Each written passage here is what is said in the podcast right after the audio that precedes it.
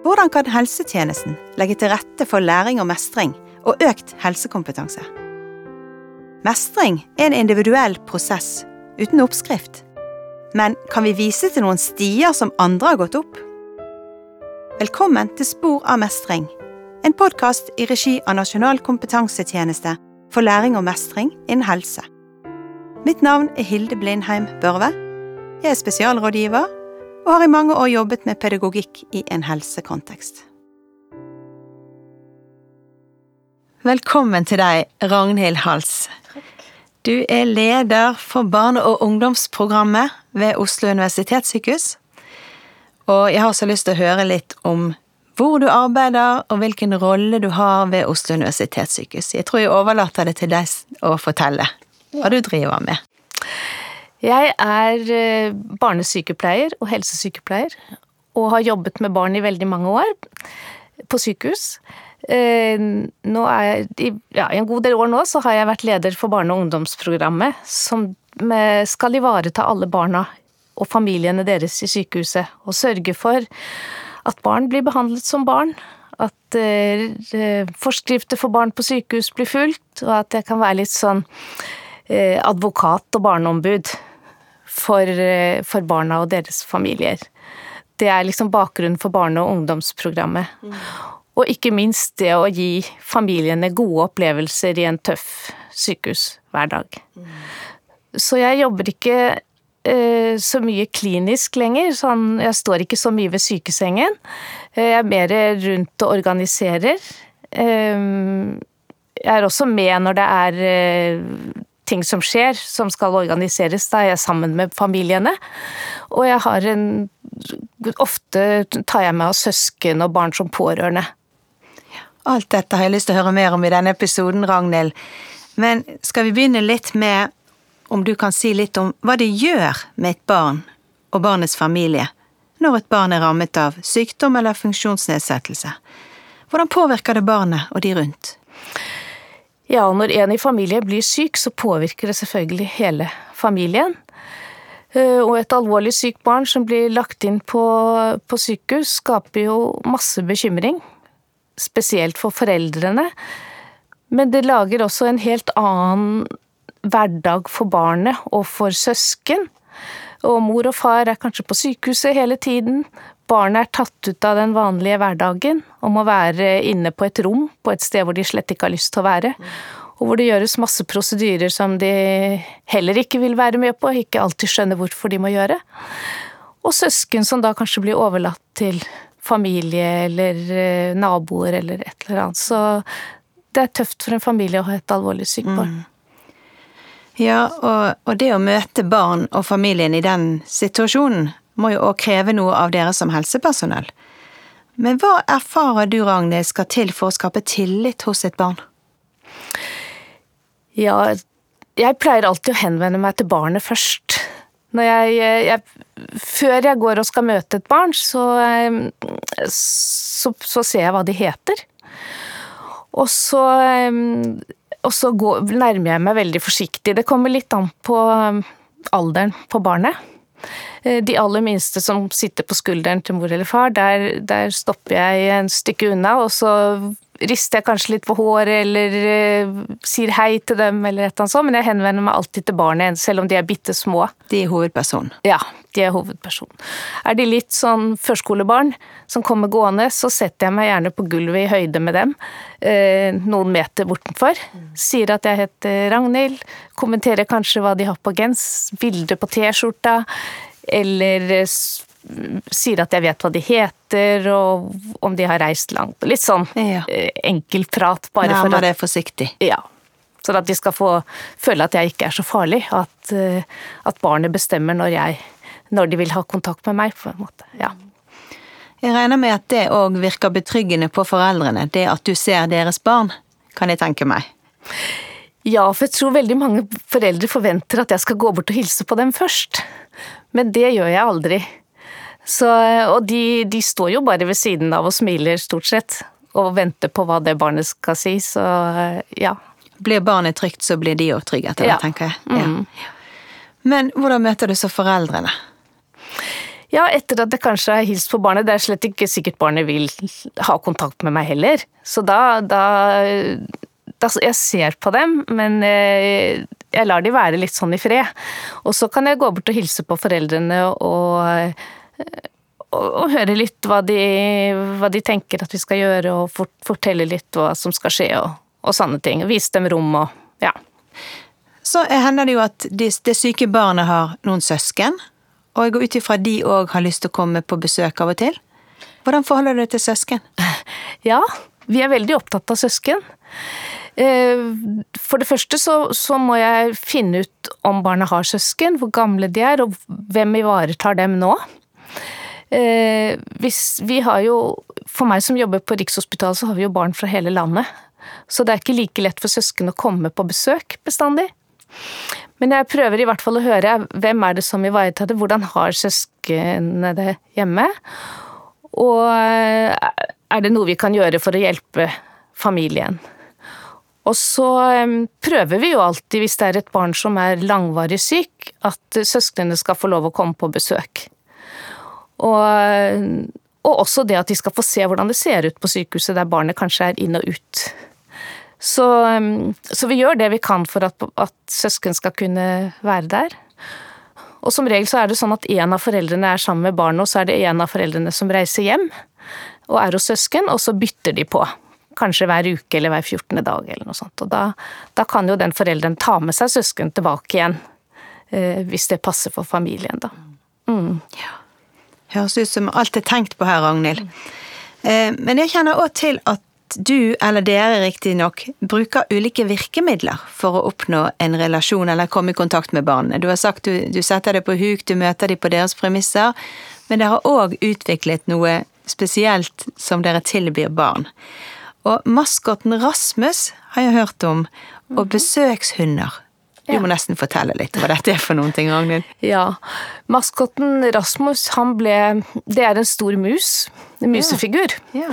Ja. som eh, Vi ønsket å ha en eller annen figur som kunne være samlende for barna på sykehuset. At uansett hvilken avdeling de var på eller undersøkelser de skulle til, så, så sitter den figuren der og er en sånn trygg forankring om at her, eh, her bryr vi oss om barna. Eh, og da fant vi en musefigur som ikke så altfor barnslig ut, og som egentlig appellerer både til voksne og barn. Og han er blitt en veldig sånn kjær figur for barna på sykehuset. Så er det jo alltid Jeg er veldig opptatt av at barn skal bli forberedt godt til eh, undersøkelser ut ifra sitt eget nivå og alder. Sånn at vi har brukt eh, denne Rasmus-figuren som pasient for å, og, tatt masse bilder for å vise hva som skjer. Og så har, har, han alltid med seg en mor eller far som er et menneske, da. Og så viser vi i enkle bilder det som barnet opplever. Vi viser ikke operasjoner eller ting som skjer mens barnet sover, vi viser det som barnet opplever underveis i en sånn eh, ja, forskjellige prosedyrer og behandlinger og sånn. Og så bruker vi disse bildene sammen med den store Rasmus-figuren til eh, å forklare barna på forhånd hva de skal igjennom, og høre hva de tenker om det, og sjekke at de har skjønt hva, vi, hva, hva som skal foregå. Vil det si at Rasmus sitter da, når barnet skal få eksempelvis narkose eller et sårstell eller hva det måtte være, så sitter Rasmus der og venter på din de møter Rasmus når de kommer inn i rommet, er det sånn det foregår? Ja, og de fleste Det fins en Rasmus på alle barneavdelingene, én og to og tre. Og han har gjerne utstyr på seg som passer til den, ja, den behandlingen de gjør på den avdelingen. Mm.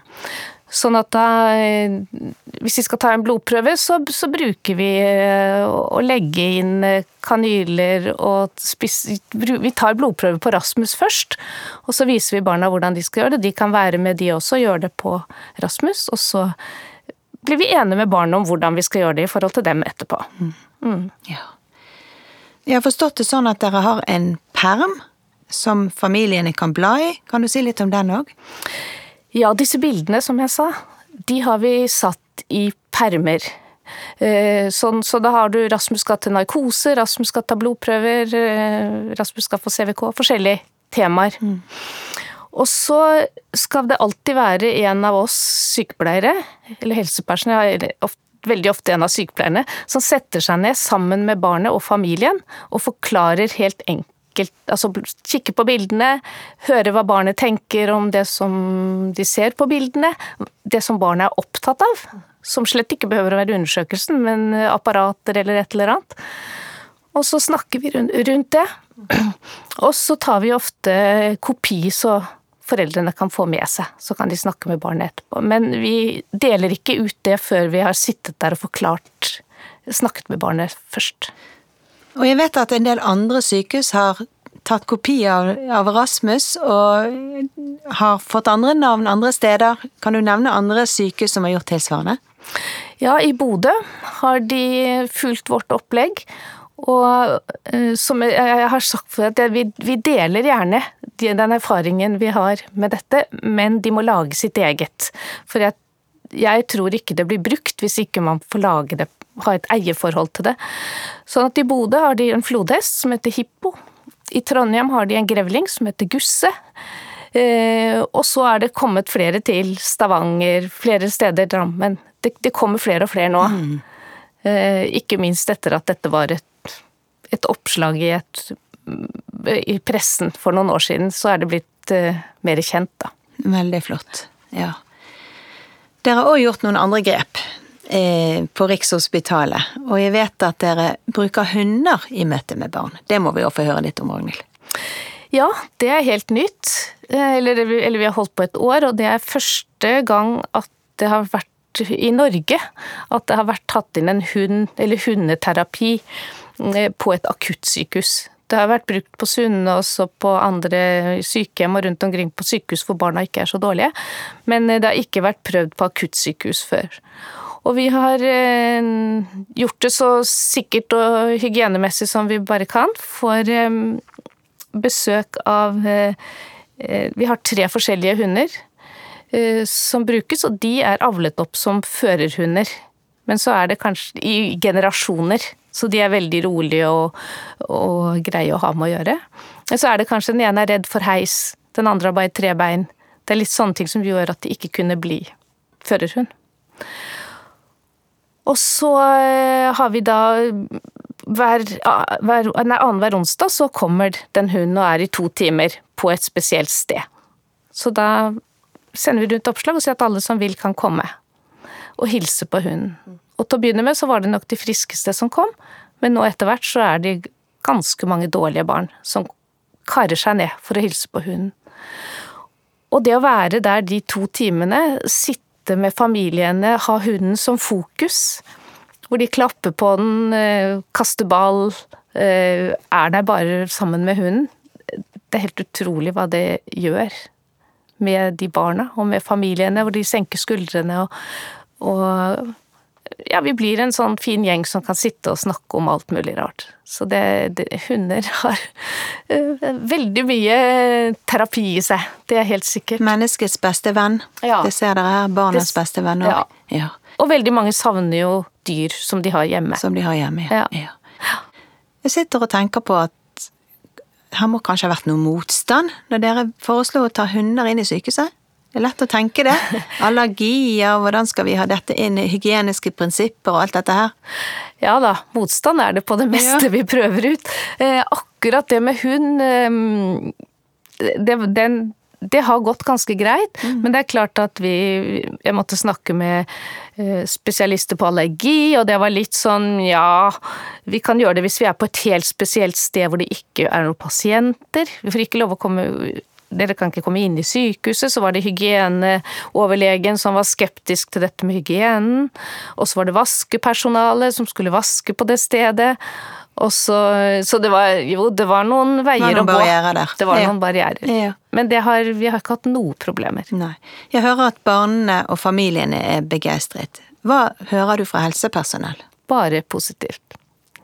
Og det er vel derfor det har vært veldig lett å gjennomføre. Fordi det har vært så stor interesse blant helsepersonellet, og når de er interessert, så, så sørger de for at barna også kommer seg dit. Mm. Og vi har flere eksempler på at, eh, at barn har fått lov å, å komme og besøke hunden før de skulle eh, til en eller annen undersøkelse eller i narkose og operere, så da har de utsatt en time eller to, så de skulle få lov å hilse på hunden først. Fantastisk. Det sier litt om verdien. Mm. Ja. En annen spennende ting eh, du har bidratt til på Rikshospitalet, det er dette friluftsområdet rundt sykehuset. Det å være på sykehus det innebærer jo å være inne i en bygning, og gjerne på et rom, og se på TV, som du ofte forteller om, Ragnhild. Mm. Kan du si litt om bakgrunnen for og hva dere har gjort i forhold til det? Ja, det startet egentlig da, da dagens Rikshospital ble flyttet fra midt i Oslo sentrum til litt utenfor byen. Eh, for så lenge det var midt i sentrum, så var det lett å gå ned til byen, og det var mye som foregikk. Og så opplevde i hvert fall jeg at eh, veldig mange familier bare satt og skrudde på TV-en og ble veldig apatiske. Og bare satt der. Og vi hadde en fantastisk natur utenfor eh, sykehuset. Nordmarka rett ut. Men det var en, en bekk som skilte, en, som var såpass stor at det ikke var bare å hoppe over den. Eh, så etter mye om og men så klarte vi å få til å bygge en bro over bekken. Eh, og da var tanken bak den at den skulle være så bred at du kunne kjøre en seng utpå der. Sånn at barna kunne ligge i seng og fiske. For det er fisk i bekken, og vi har fått fisk mange ganger. Jeg var også opptatt av at det skulle være kontaktpunkter på veggen, så de kunne ha med seg intravenøsstativene sine og sånne ting. Og så fikk vi bygd en gapahuk og et, litt sånn leirplass rett overfor broa. Og så laget vi en sånn natursti som gikk en runde, hvor det var litt sånn spørsmål og aktiviteter og fuglekasser og naturspørsmål. Og i enden av den, hvor man snur og går tilbake igjen, så, så var det et litt sånt vått område, så det kalte vi for krokodillesumpen. Og der må de balansere over med noe sånn tau og, og, planker og sånn. Et sånt ja, installasjon som er satt opp der. Eh, for ikke å bli våt på beina, og så komme tilbake igjen til utgangspunktet. Og, og det som jeg var opptatt av òg, var at eh, det skulle være lett å komme seg ut i naturen, og det skulle være lett å finne veien tilbake og ikke kunne gå seg bort, da. Og vi så jo da den ble åpnet i sin tid av eh, miljøvernminister Hareide, som var den gangen, at eh, med en gang barna kom ut, så begynte de å lete etter maur, de så på sopp, de var veldig opp fugler. Det var liksom ikke Da ble sykdommen litt glemt.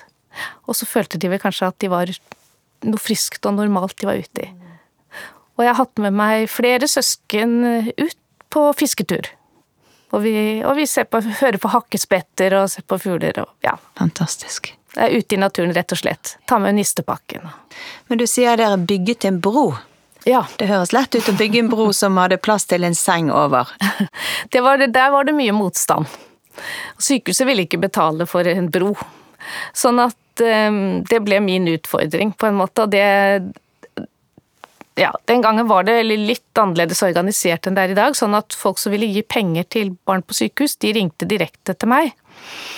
Og så sa jeg at nå samler vi inn penger, for vi vil gjerne bygge en bro over bekken. Og få familiene ut.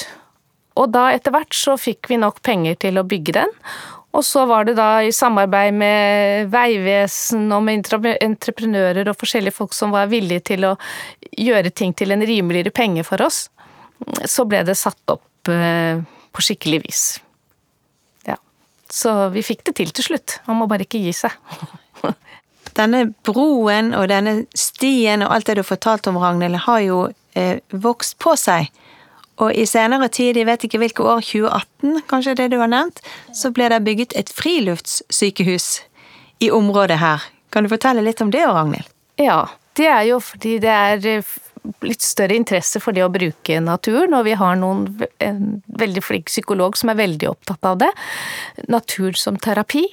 Så vi har samarbeidet tett, og vi har fått bygd en liten hytte som ligger på sykehussiden av broen, eller av bekken, da, kan du si. Så den ligger litt skjermet for dette området, som også brukes av barnehager og skoler. Eh, og der tar vi med oss eh, Hver onsdag så har vi en sånn felles samling at eh, alle barn som og familier som orker å komme ut, de kan, kan, komme opp dit, og så lager vi bål og steker pølser. Vi vi ser på fuglene i fuglekassene, vi har sommerfuglhotell. Eh, eller vi sitter inne i hytta og tegner og, og prater sammen og, og, bygger sånn putehytter og sånne ting. Eh, det er en sånn felles eh, til de som, de som kommer. Og det, noen kommer jo med pleiepersonell, og noen, kommer, noen er søsken, og noen kommer foreldre og sånn. Men så bruker også um, barnelegene og, og øh, disse barnepsykologene de pleier å ta med seg familier ut i denne hytta og sitter der og snakker med dem istedenfor å sitte på et kontor og liksom være litt sånn ovenfra og ned. Så sitter de der sammen og, og, får en helt annen kontakt. Og så plutselig kommer det en hegere flyvende som bor i skogen der, og så, og så blir de opptatt av naturen rundt, og så har vi vel opplevd nå, på de årene den har stått der, at det er blitt mer og mer verdifullt å kunne ta med seg familiene eh, og enkeltpersoner til samtale i den hytta. Og det å sitte der og se på naturen gjør den store forskjellen. Fantastisk arbeid. Du har gjort mye kreativt eh, og gjort en stor forskjell for veldig mange barn og mange barnefamilier. Og dette vil leve videre når du kommer i den situasjonen at du slutter på Rikshospitalet, Ragnhild. Så jeg er imponert over alt du har fått til, og jeg håper dette lever videre i beste velgående og kan være til inspirasjon for mange andre barneavdelinger i landet, sånn som Rasmus har vært. Så jeg sier bare tusen takk, Ragnhild, for at du tok turen til Bergen og ville dele dine erfaringer eh, fra arbeidet med barn og barnefamilier. Takk for at jeg fikk komme. På gjenhør til nye samtaler om spor av mestring.